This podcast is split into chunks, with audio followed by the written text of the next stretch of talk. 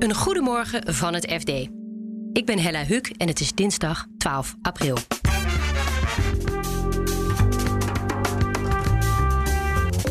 Nederland trekt de portemonnee om de klimaatdoelen te halen. Maar het kabinet laat de goedkope opties links liggen. Duitsland gaat zwaar materieel leveren aan Oekraïne voor de strijd tegen Rusland. En daarmee wordt een taboe doorbroken. Uh, en je kan gerust zeggen dat, daar, uh, dat er een breuk in de geschiedenis plaatsvindt. En in Brussel willen ze met een nieuwe wet de macht van grote techbedrijven beperken. Het grote doel van deze wet is om uh, innovatie aan te jagen, het concurrentieveld eerlijker te maken. Dit is de dagkoers van het FD. Nederland trekt 35 miljard euro uit om de klimaatdoelen te halen. Maar het kabinet kiest juist voor de duurdere technologieën, terwijl de goedkopere opties nog niet voldoende zijn ingezet. Orla McDonald is klimaatredacteur. Orla, waar zet het kabinet nu op in? Wat zijn dan die dure technologieën? Ja, om klimaatdoelen te halen speelt bijvoorbeeld kernenergie best wel een prominente rol in het huidige coalitieakkoord.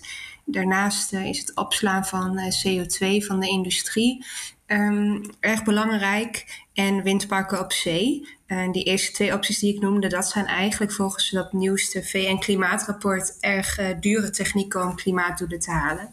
Zijn die opties nou voor elk land hetzelfde? Nee, het zijn mondiaal gemiddelde cijfers voor hoe duur het is om klimaatdoelen te halen. En dat kan per land natuurlijk wel verschillen. Bijvoorbeeld een uh, zonneweide is in uh, ja, het Midden-Oosten wel wat goedkoper, omdat er de zon veel meer schijnt. Dus je haalt er veel meer, je, je verdient het veel sneller terug, zeg maar. Um, maar het, is wel een goede indicatie om, om de verschillen in technieken te zien voor, om klimaatdoelen te halen. En waarom is het voor ons in Nederland heel duur om bijvoorbeeld een kerncentrale neer te zetten? Nou, kernenergie is in Nederland eigenlijk duurder dan bijvoorbeeld in uh, Azië, omdat wij heel moeilijk schaal kunnen maken. Een land als China kan bijvoorbeeld in één keer tien kerncentrales plaatsen, maar dat past niet in Nederland. En als je dat dan Europa breed wil doen om de kosten te laten zakken, dan ja, moet je heel veel overleggen met andere landen. Niet ieder lidstaat is voorstander van kernenergie. Um, de arbeidskrachten in Azië zijn sowieso uh, lager, dus dat maakt het goedkoper om die centrales daar neer te zetten. Wat is dan voor ons de goedkopere optie? De kosten voor zon- en windenergie zijn enorm gezakt, zeggen de Verenigde Naties. Nederland heeft de Noordzee is bijna ons deel van de Noordzee, zeg maar, is bijna net zo groot als uh, Nederland zelf. Um, het kabinet zet wel flink in op uh, windparken op zee, maar uh, ja, dat, je zou kunnen kijken of dat misschien nog meer kan, om toch al die goedkopere opties te, te benutten. En verder in de industriële sector is het gewoon goedkoper om aan energiebesparing te doen dan om al die CO2 af te vangen en op te slaan, zegt dit rapport. En eigenlijk zie je dat de industrie de afgelopen jaren helemaal niet zo heeft ingezet op energiebesparing. Uh, bedrijven die moesten uh, tot voor kort aan allerlei regels voldoen, bijvoorbeeld uh, energiezuinige installaties plaatsen, maar dat hebben ze eigenlijk allemaal niet gedaan. Ja, dus daar hebben we wel wat, wat laten liggen. Stel, hè, ja, wij benaderen dit echt even vanuit dat kostenperspectief. Kan het kabinet de klimaatdoelen betaalbaar houden door alleen voor die goedkopere opties te kiezen? Dus bijvoorbeeld zwaar in te zetten op besparen.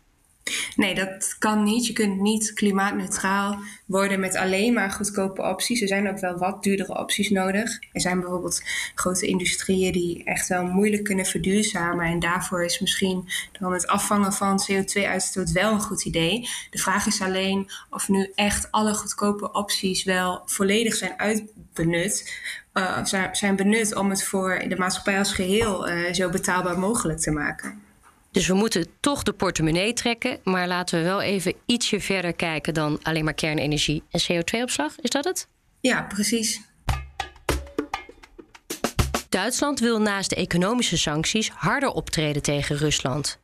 De Duitse minister van Buitenlandse Zaken wil zware wapens gaan leveren aan Oekraïne vertelt Duitsland-correspondent Gerben van der Marel. Ja, dat is heel interessant, want uh, zij heet uh, Annalena Baerbock. En uh, ze is een vrij jonge minister, althans ze is in de 40, begin 40, van de partij De Groenen. die natuurlijk een hele traditie hebben van um, om tegen oorlog te zijn, tegen wapens, vredelievend dat is ook echt, de, de, daar gaat de geschiedenis, dat is ook echt een van de basisgrondbeginselen van de partij. maar wat interessant is aan die Duitse coalitie, hè, die nieuw is, die zit er een paar maanden, is dat die groenen toch behoorlijk willen doorpakken. En ja, voelen welke verantwoordelijkheid erbij komt kijken met een oorlog in Europa. en dat het bijvoorbeeld het leveren van wapens, en dat is eigenlijk het nieuws van, van begin deze week, het leveren van zware wapens door Duitsland opeens mogelijk uh, blijkt te zijn. Iets wat echt volstrekt ondenkbaar is geweest, uh, was geweest tot, tot vier weken geleden. Dus hier is echt een taboe doorbroken. Een Zeitenwende, zo noemen ze dat in Duitsland. Uh, bondskanselier Olaf Scholz hè, van een andere partij, van de SPD, hè, de grote so Sociaal-Democratische Partij, die heeft dat een week of zes geleden in de Bondsdag verkondigd.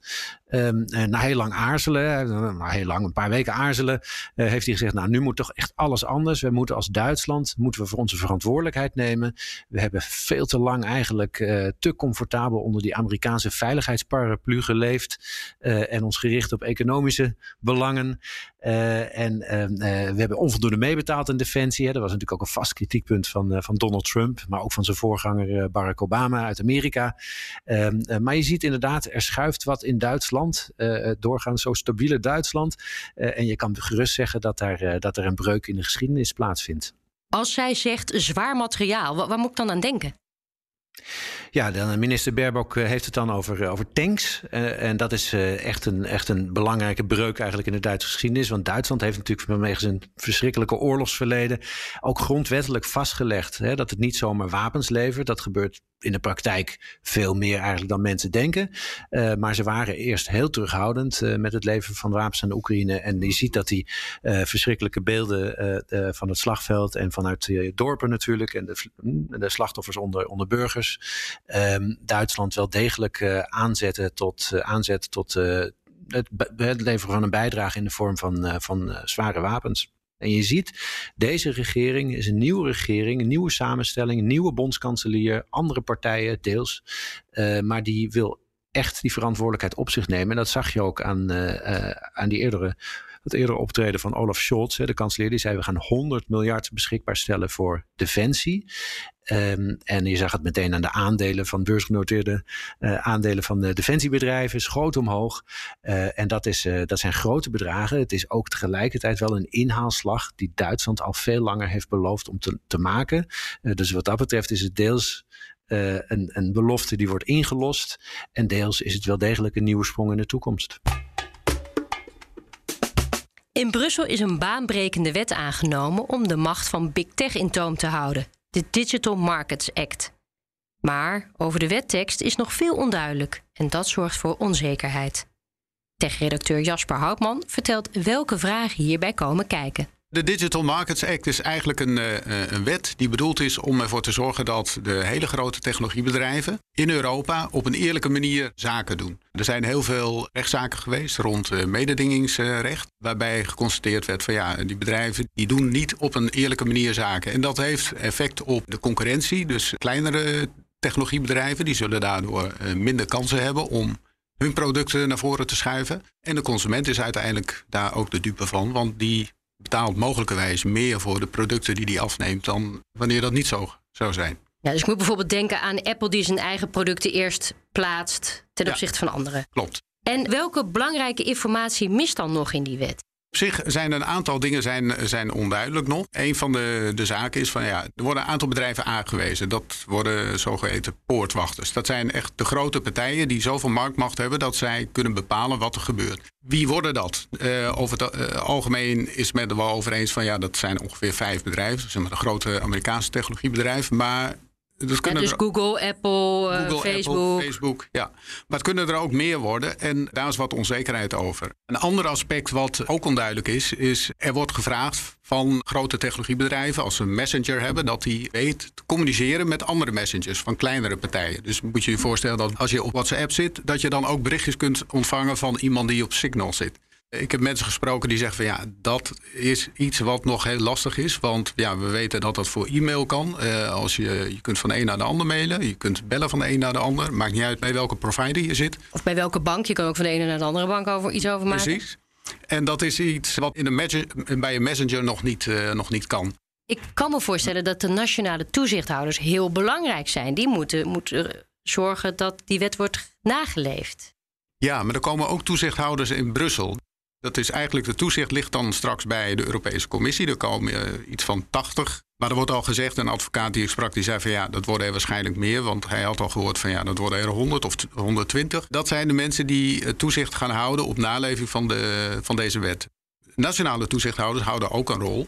En daar was vooraf toch ook wel enige discussie over. Waarbij nou ja, zelfs de Duitse toezichthouder zei van uh, ja, als er een veto komt over beslissingen vanuit Brussel die wij nemen, dan uh, vinden wij dat onacceptabel. En dat deel is daarna afgezwakt. Ik kan me voorstellen, over elke letterparagraaf wordt nu gesoepeld en gelobbyd. Wat zijn nou de grote hangijzers nog bij deze wet? Ja, er zijn meerdere, maar ik denk het belangrijkste is... het grote doel van deze wet is om innovatie aan te jagen. Het concurrentieveld eerlijker te maken. Ja, dat is de grote vraag of dat gaat lukken. Of kleinere technologiebedrijven in staat zijn om nu wel die concurrentie aan te gaan met big tech. En dat zij in staat zijn of het aandurven om bij nationale toezichthouders of via nationale rechters die bedrijven aan te pakken. Of, of ervoor te zorgen dat zij datgene kunnen doen wat ze graag willen doen. Dat wordt denk ik de grote vraag. Of dat uh, uiteindelijk het doel van de, van de wet eigenlijk, of dat bereikt gaat worden.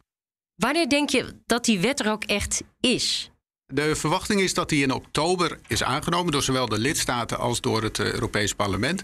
En dan geldt een periode van ongeveer een jaar dat, al die, dat die bedrijven zich kunnen voorbereiden en het uiteindelijk helemaal in werking is. Dus we kunnen zeggen eind 2023, begin 2024.